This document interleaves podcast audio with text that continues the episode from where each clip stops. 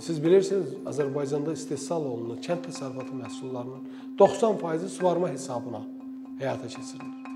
Və biz yaxşı bilirik ki, 2018-ci ildən bəri Kür çayı qurumağa başlayıb. Kür çayının quruması ümumiyyətlə tarixi bir hadisə idi. Əvvəllər belə bir şey, e, hadisə heç vaxt olmayıb.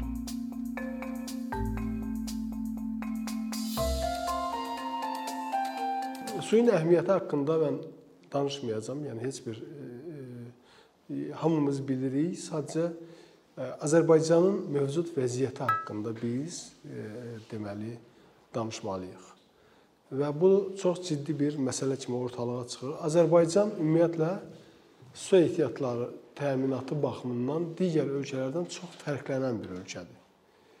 Və bu fərqlənmə nədən ibarətdir? Bu fərqlənmə ondan ibarətdir ki, e, Azərbaycan Respublikasının su ehtiyatlarının e, təxminən 70%-ə qədəri xarici ölkələrdən gəlir. Və bunlar hansı ölkələrdir? Məsələn, əgər biz e, burada Azərbaycanı çəksək, Azərbaycan deməli, burada Türkiyədir, burada sonra Gürcüstan, Gürcüstan, burada biz Ermənistanı deməli qeyd edirik, burada da İranı, İranı. Deməli bizim əsas çaylar e, bura isə deyək ki, olsun Xəzər dənizi, yəni Xəzər, Xəzər dənizi. Bizim əsas çaylar e, var. Hər ikisi Türkiyə ərazisindən başlayır. Bunlar deməli gəlib Azərbaycana daxil olur. Belə Kür və Araz çayları Azərbaycana daxil olub və ondan sonra Xəzər dənizinə tökülür. Burada problem nədən ibarətdir? Digər çaylarımız da var. Ermənistandan 11 e, çay gəlir Azərbaycana. Gürcüstandan daha 2 çay, Qanıq və Qabırlı çayları gəlir. İrandan da Qarasu çayı gəlir. Problem nədən ibarətdir? Problem ondan ibarətdir ki, ümumiyyətlə su təhlükəsizliyi məsələsində biz müstəqil deyilik. Biz e, istəsək belə su təhlükəsizliyimizi təmin etmək üçün e, hökmən bu ölkələrlə əlaqələr qurmalıyıq. Biz başqalarından asılıyıq bu mənada. Məsələn, Türkiyə asılı deyil. Türkiyədən gedən çaylar Suriyaya, İraqa, Gürcüstana axıb gedir. Qaradənizə axır. Türkiyə öz su problemlərini özü başına həll eləyə bilər. Bu Azərbaycandan kənar. Bu Azərbaycanın su ehtiyatlarının baxımından təhlükəsizliyinə təsir edən birinci əsas amildir ki, bu gün bizim qarşımızda durur və bu problem həll olunmalıdır. İndi mən bunu bir sxem şəklində istəyirəm buradan məsələn qeyd eləyəm. Belə e, transsərhəd problemlər. İkinci problemlər iqlim dəyişmələridir bu, bu iqlim dəyişmələri. İqlim dəyişmələri nədir? İqlim dəyişmələri e, qlobal bir hadisədir. Səbəbi atmosferdə istixana qazlarının artmasıdır. Nədir istixana qazı? İstixana qazı adi karbon qazıdır, metandır, CFC qazlardır. Yəni əsas bu qazlardır. Hansı ki bu gün insan fəaliyyəti nəticəsində atmosferə daha çox daxil olur. Bu yer kürəsində gedən iqlim proseslərinə çox ciddi təsir eləyir və Azərbaycan ərazisinə düşən e, e, yağıntıların miqdarı azalmışdır. Bu da öz növbəsində təsir eləyir e, deməli bizim çaylardakı sulluğun azalmasına. Yəni bax bu çaylar Kür, Araz, Qanıq, Qabırlı, digər çaylardakı sulluğun azalması. Başqa bir problem hansı ki iqlim dəyişmələri nəticəsində yaranır. Bu problem e, deməli e, temperaturun artmasıdır. Temperaturun artması suyu azaldır, eyni zamanda suya olan tələbatı artırır. Yəni bu ikili bir təsir kimi bizim e, deməli su təhlükəsizliyimizə təsir edən bir amildir. Burada məsələ nədən ibarətdir?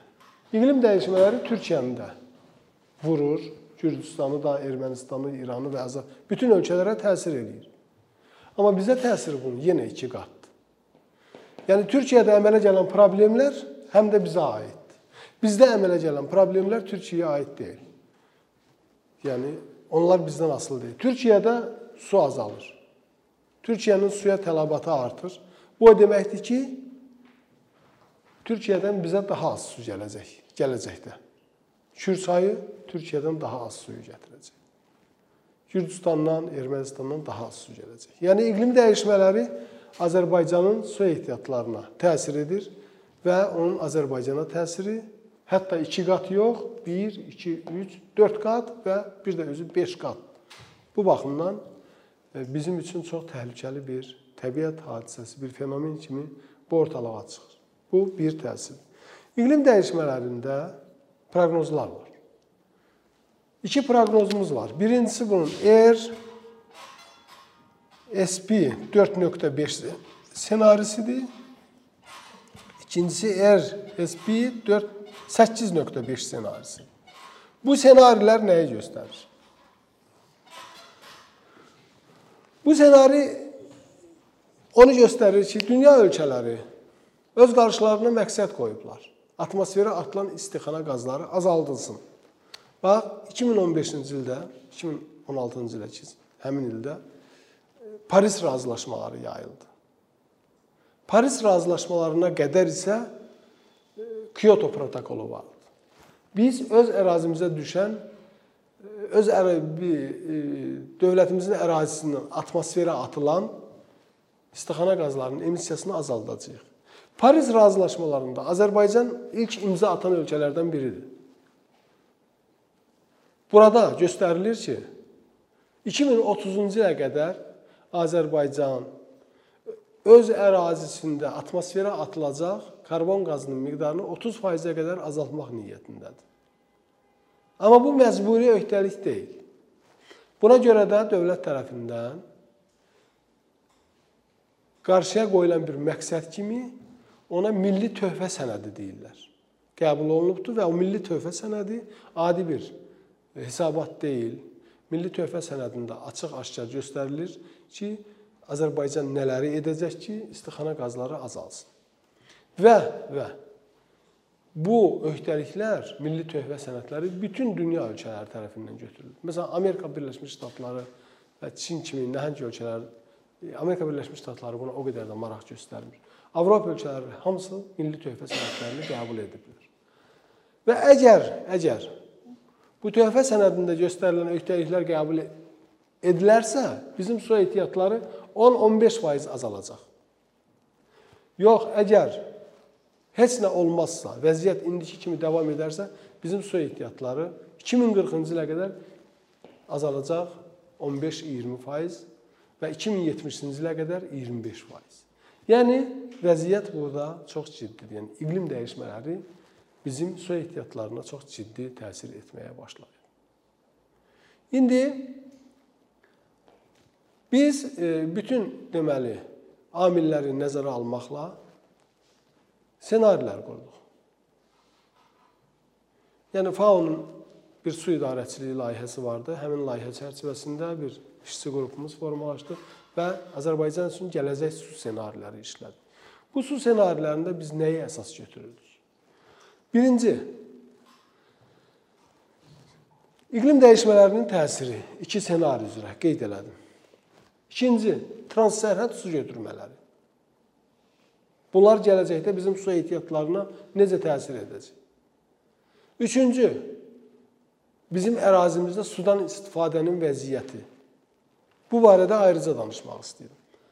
Azərbaycanda su ehtiyatlarımızın təxminən 40%-dən çoxu götürülür. Əsasən suvarma məqsədləri üçün. İllik 12 kub Deməli bizim su ehtiyatları hardasa indi 25 kub kilometrdir. Onun 12 kub kilometri götürülür və bunun əksəriyyəti suvarmaya gedir. Amma suvarmada vəziyyət necədir?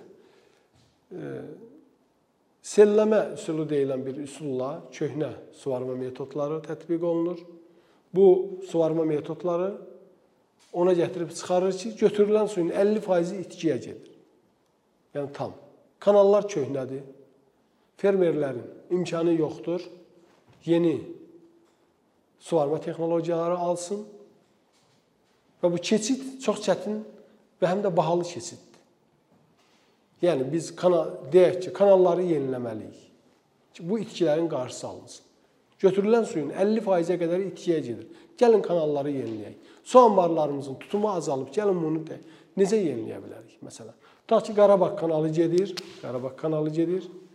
Ətrafında ondan artıq rayon var.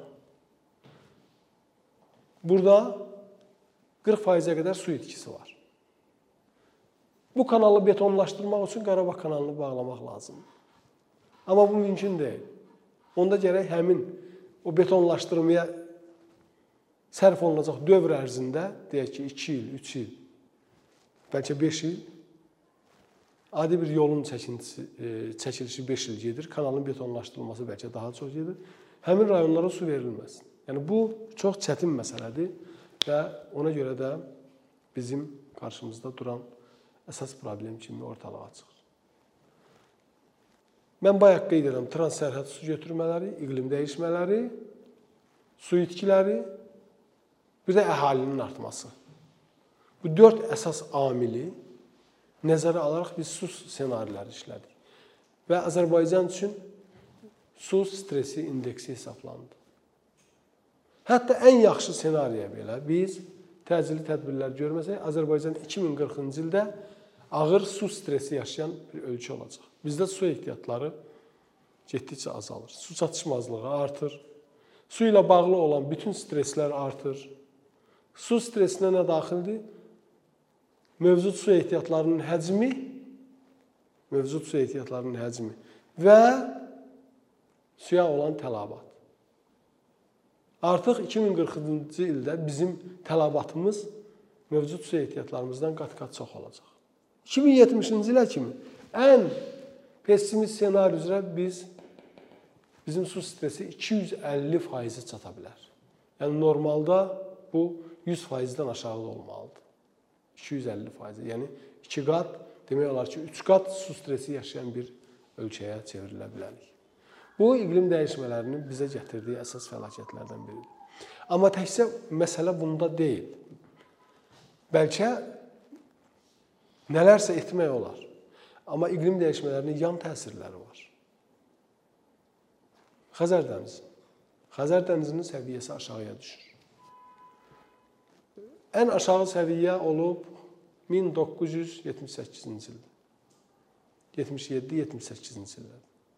95-ci ilə kimi qalxıb. 95-ci ildən bu yana bu səviyyənin azalma prosesi gedir.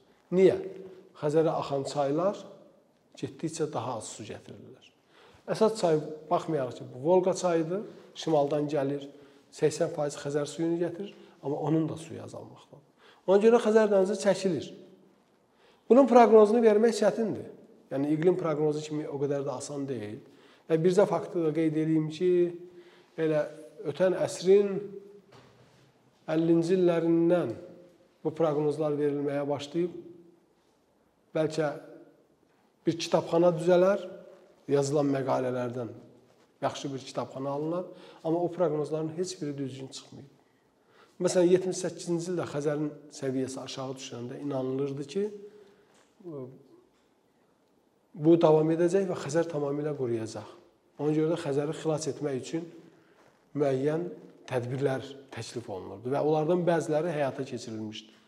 Bunlardan biri məsələn Qaraboğaz qol körfəzinin bağlanmasıdır. Məsələn, bu əgər Xəzər dənizidirsə, burada belə bir balaca bir körfəz vardı. Xəzərdən bura su axır və bura bağlandı. Körfəz tamamilə qurudu. Güya ki buranı biz quruduruq, Xəzər dənizinin qalan hissəsini xilas edirik. Amma bir müddətdən sonra su artmağa başladı. Yəni bu çətindir. Yenə də e, proqnozlar var ki, Xəzərin səviyyəsi mənfi 33 metrə qədər düşməyə davam edəcək. Mənfi 33 metr odur ki, biz e, bizim sahillər e, deməli dənizdən mövcud sahillər e, dənizdən çox aralanacaq. Yəni dəniz xeyli çəkiləcək. Və bu proqnozlar kifayət qədər ciddi proqnozlardır. Çünki iqlim dəyişmələrində nəzərə alınır. Bu da sahil infrastrukturunda çox böyük problemlərə səbəb ola biləcək. Bu bir problemdir. İkinci, məsələn, bitkilərin suya olan tələbatı da artır. Torpağın suya olan tələbatı artır. Əvvəl, artıq əvvəlki su miqdarında suvarma yox, daha çox suvarma lazımdır. Və bunun çoxlu yan təsirləri var. Məsələn, ərzaq təhlükəsizliyinə bu təsir eləyə bilər. Siz bilirsiniz, Azərbaycanda istehsal olunan kənd təsərrüfatı məhsullarının 90%-i suvarma hesabına həyata keçirilir. Və biz yaxşı bilirik ki, 2018-ci ildən bəri Kür çayı qurumağa başlayıb. Kür çayının quruması ümumiyyətlə tarixi bir hadisə idi. Əvvəllər belə bir şey e, hadisə heç vaxt olmayıbdı. Və bu quruma təhlükəsi yenə də var. Yəni bu yayda baş verə bilər. Ötən yay baş verdi, ondan əvvəlki yay baş verdi və bizim fermerlər nə edəcək? Məsələn, Kürdə su yoxdur, amma Kürlə bağlı olan həyat var. Tarixi həyat. Salyan rayonu, Neftçala rayonu, Şirvan şəhəri, Zərdab, Ucar, yəni bu insanlar tarixən bunların həyatı Kürlə bağlı. Nə baş verir? Kür yoxdursa, nə edir? Miqrasiya baş verir. Ekoloji miqrasiya. Onlar öz yaşayış yerlərini tərk edib gedirlər. Və bunun arxasından nələr gəlir? Bəlkə bu, bundan ötürü e, belə deyək ki, bütün profillərdən olan alimləri bura dəvət etmək lazımdır.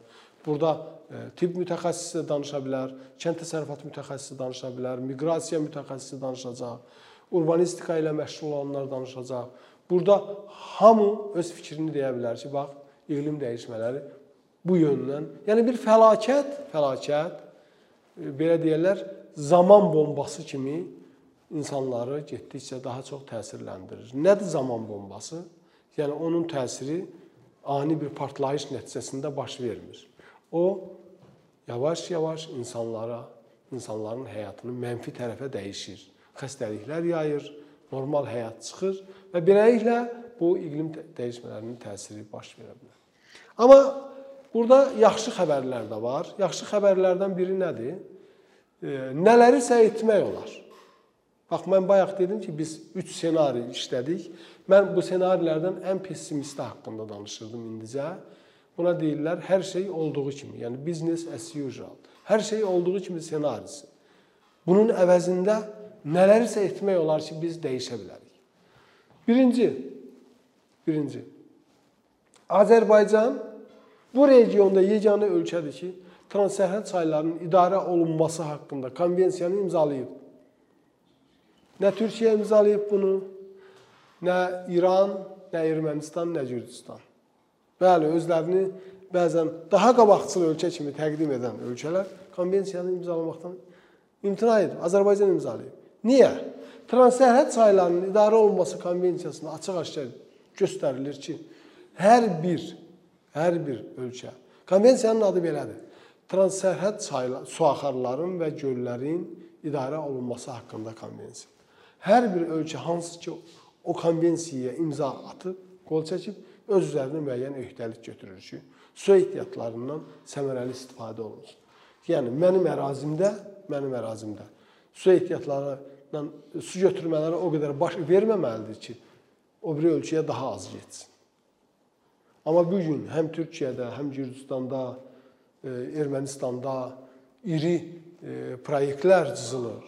İri su anbarları cızılır, yaradılır. Məsələn, Koroğlu su anbarı, Beşikqaya su anbarı, Gürcüstan daha 5 su anbarının tikilməsi üçün e, iri planlar hazırlayır. Bu deməkdir ki, bu ölkələr İran, İranda vəziyyət eyni, eyni bir. Bu ölkələr elə planlar cızırlar ki, bizə gələcəkdə su, su gəlməsin. Yəni danışıq başqa, Amma edilən işlər başqa ki, yaxşı sən belə deyirsən, amma etdiklərin onu göstərir ki, gələcəkdə daha çox suyu öz ərazində saxlamaq istəyirsən. Ona görə də biz trans, trans, e, deməli bu konvensiyaya qol çəkmədilər, bəli, amma biz iki tərəfli danışıqlara getməliyik. Həm Türkiyə ilə birbaşa, yəni qardaş ölkədir, e, müəyyən razılıqlar əldə oluna bilər bu barədə. Həm Gürcüstanla, yəni konkret olaraq ki, bax bu su gəlirsə, bunun müəyyən hissəsi hansısa bir faizlə Azərbaycana gəlməlidir. Siz bunun hamısını götürə bilməzsiniz. Bu birinci. İkinci, ikinci yaxşı xəbər nədir? Çox böyük imkanlar var iqlim dəyişmələrinə adaptasiya alınmaq. Adaptasiya nədir? Adaptasiya uyğunlaşma demək. Mənfi təsirə uyğunlaşma. Su yoxdur, su azalıb, su azalır, Mən elə elə elə edəcəm ki, daha az suya ehtiyacım olsun. Necə edəcəm? Su itkilərinin qarşısını alacağam. Müasir suvarma texnologiyalarına keçid keçid edəcəm. deyək ki, selləmə suvarması əvəzinə damcı suvarması, yeraltı suvarma, çiləmə suvarması bunlara edəcəyik. Suya az, az tələbatı olan bitkilər əkəcəyik. Daha quraqlığa dözümlü bitkilər. Subtropik meyvəçiliyə keçid edəcəyik. Nar, əncir, digər. Suyu çox işlədən bitkiləri biz virtual su ticarəti edərək xaricdən alacağıq. Nədir virtual su ticarəti? Biz öz məhsulumuzu satırıq, əvəzinə elə məhsullar alırıq ki, onların suya çox ehtiyacı var. Məsələn, Kanada kimi ölkələrdə, Rusiya kimi ölkələrdə biz bilirik ki, onların suyu boldur və gələcəkdə də bol olacaq. Deməli biz müəyyən məhsulları onlardan ala bilərik, öz ərazimizdə yetişdirmirik, öz ərazimizdə yetişdiririk quraqlığa dözümlü olan bitkiləri. Məsələn, nar, üzüm, əncir bu kimi bitkiləri və belə deyək, virtual su ticarəti edirik. Yəni buna virtual su ticarəti deyirlər. Bu ikinci bir xəbərdir. Üçüncü xəbər e, insanların e, və burada burada başqa nə etmək olar? İnsanların e, suya olan tələbatını məqsədyönlü şəkildə azaltmaq.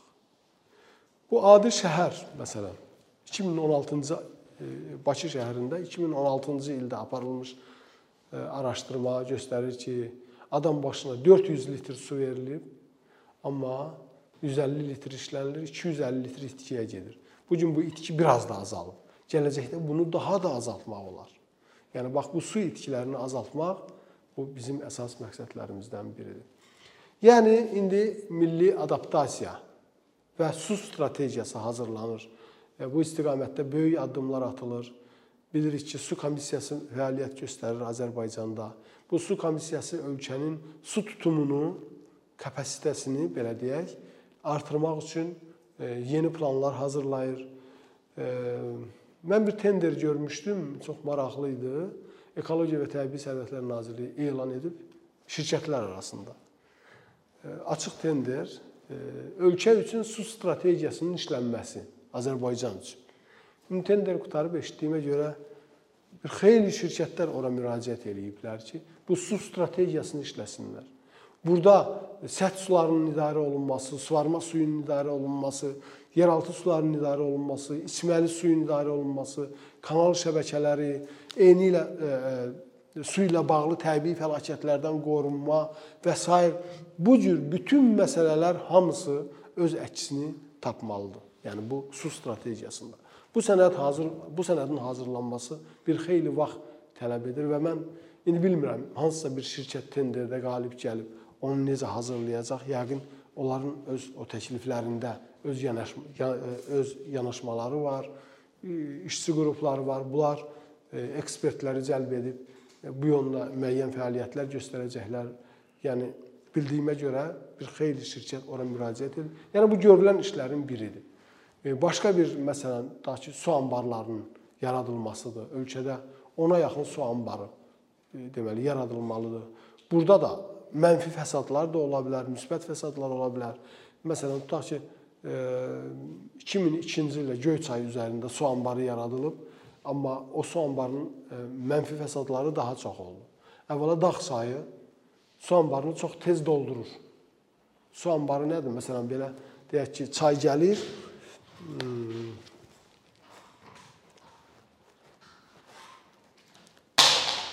çay gəlir, çayın üzərində bir bənd qoyulur və burada süni bir su tutumu olan bir yer yaradılır. Deyək ki, 5 kub, 10 kub, 15 kub olsun və bu yaradılır. Bəli.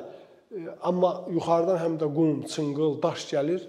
Bu anbarı doldurdu. Yəni onun əhəmiyyəti azalır. Əksinə aşağıda yarğanlaşma baş verir. Təbii fəlakətlər artır. Məsələn, Göyçay çayının üzərində olan körpü məhz həmin su anbarına görə uçmuşdu. Yəni çay get-gedə dərinləşmişdi.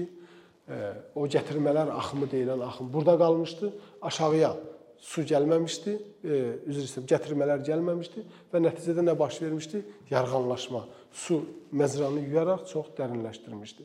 Və bu bu da ola bilər. Yəni ki, su anbarı yaradılar yaradılarkən də yerləri dəqiq seçilməlidir. Dəqiq mühəndis geoloji işlər aparılmalıdır e, hidroloji işlər aparılmalıdır.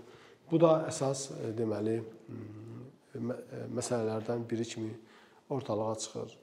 Bu iqlim dəyişmələri ilə bağlı bizim görə biləcəyimiz işdir. Və mən daha çox struktur işlərdən danışdım. İkinci bir istiqamət əhalinin daha çox maarifləndirilməsi olmalıdır. Maarifləndirmə nədir? Yəni biz öz gündəlik həyatımızı daha az suya hesablanmış bir istiqamətdə quraq. Çünki su təhlükəsizliyinin əsas deməli səviyyələrindən biri icma səviyyəsində olan təhlükəsizlikdir. İcma səviyyəsində hər bir bələdiyyə öz ərazisində su məsələlərinə çox ciddi fikir verməlidir. Su itkilərini müəyyən etməlidir və insanların su savadlılığını artırmalıdır. İkinci məsələ isə milli səviyyədir. Məsələn, bizdə milli səviyyədə olan boşluqlardan biri, çatışmazlıqlardan biri hələ də iqlim dəyişmələri haqqında qanunun olmamasıdır. Və bu qanunun iqlim dəyişmələrinin ətraf mühit qanunvericiliyinə indi inteqrasiyası gözlənilir. Bu da gələcəkdə görüləcək əsas işlərdən biridir ki, biz su ehtiyatlarından səmərəli istifadə olunması istiqamətində iqlim dəyişmələrini hökmən nəzərə alaq. Bu da deməli milli səviyyədə su təhlükəsizliyinin əsas məsələlərindən biridir. Yəni bunlar yaxşı xəbərlərdir. Mən onu demək istəyirdim ki, bu artıq o deməkdir ki, nələri isə etmək olar. Biz tam köməksiz deyilik öz e, taleyimiz öz əlimizdədir.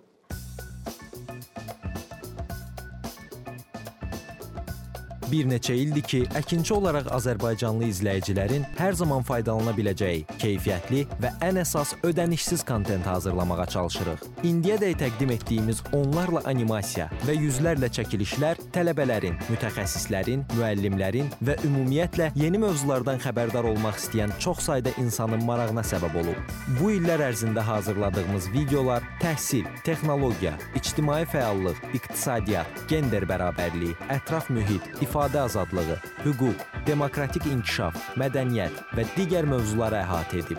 Məqsədimiz çoxlu baxış gətirən deyil, çoxlu fayda gətirən videolar hazırlamaqdır. Amma bu düşündüyümüz qədər asan deyilmiş. Gördüyümüz iş kifayət qədər resurs, əmək və təbii ki, davamlılıq tələb edir. Bu səbəbdən Patreon platformasından istifadəyə başladıq. Əkinçinin Patreon hesabının populyarlaşmasına çox böyük ümidlərimiz və gözləntilərimiz var. Bəziləriniz Patreon haqqında ilk dəfə eşidirsiniz. Əslində çox sadə izahı olan bir platformadır. Təsəvvür edin ki, siz rəssam və ya musiqiçisiniz. Sosial şəbəkələrdə sizi izləyən, işinizi bəyənən çox sayda insan var. Patreon platforması sizə imkan verir ki, izləyicilərinizin könüllü aylıq ödənişləri sayəsində işinizi davam etdirəsiniz. Sərgi, konsert zallarından asılı qalmayasınız. Amma bu təkcə rəssam və musiqiçilərə aid deyil. Məsələn, əkinçiyə bənzər fəaliyyətlə məşğul olan bəzi layihələrin 10 minlərlə minlərlə patronu var. Biz də düşündük ki, nə üçün əkinçinin Patreon hesabı olmasın? Sizin dəstəyiniz sayəsində biz daha çox və daha keyfiyyətli kontent yaratmağa davam edə biləcəyik. Amma bu dəstək yalnız maddi dəstək deyil. Dəstəkçilərimizin sayının artması gördüyümüz işlərin faydalı olduğuna dair əminlik verir. Patreon platformasından istifadə çox sadədir. Hesabınızı açırsınız, sizə uyğun dəstək növünü seçirsiniz və Patreon özü hər ayın ilk günü kartınızdan seçdiyiniz dəstək növünə uyğun ödəniş tutur. Bu qədər. Sonda onu demək istəyirik ki, dəstəkçilərin sırasına qoşulmaq istəyən, amma məhdud imkana görə bunu edə bilməyənlər narahat olmasın. Daha öncə dediyimiz kimi, bizim əsas məqsədimiz daha çox insanın hər zaman faydalana biləcəyi keyfiyyətli və ödənişsiz kontentin yaradılmasıdır. Bunun üçün mütləq patronumuz patronumuz olmalısınız deyə məcburiyyət yoxdur. Amma imkanınız patron olmağa çatırsa və bizim işimizi bəyənirsinizsə, patronlarımızın sırasına qoşulmağınız bizim üçün çox önəmlidir.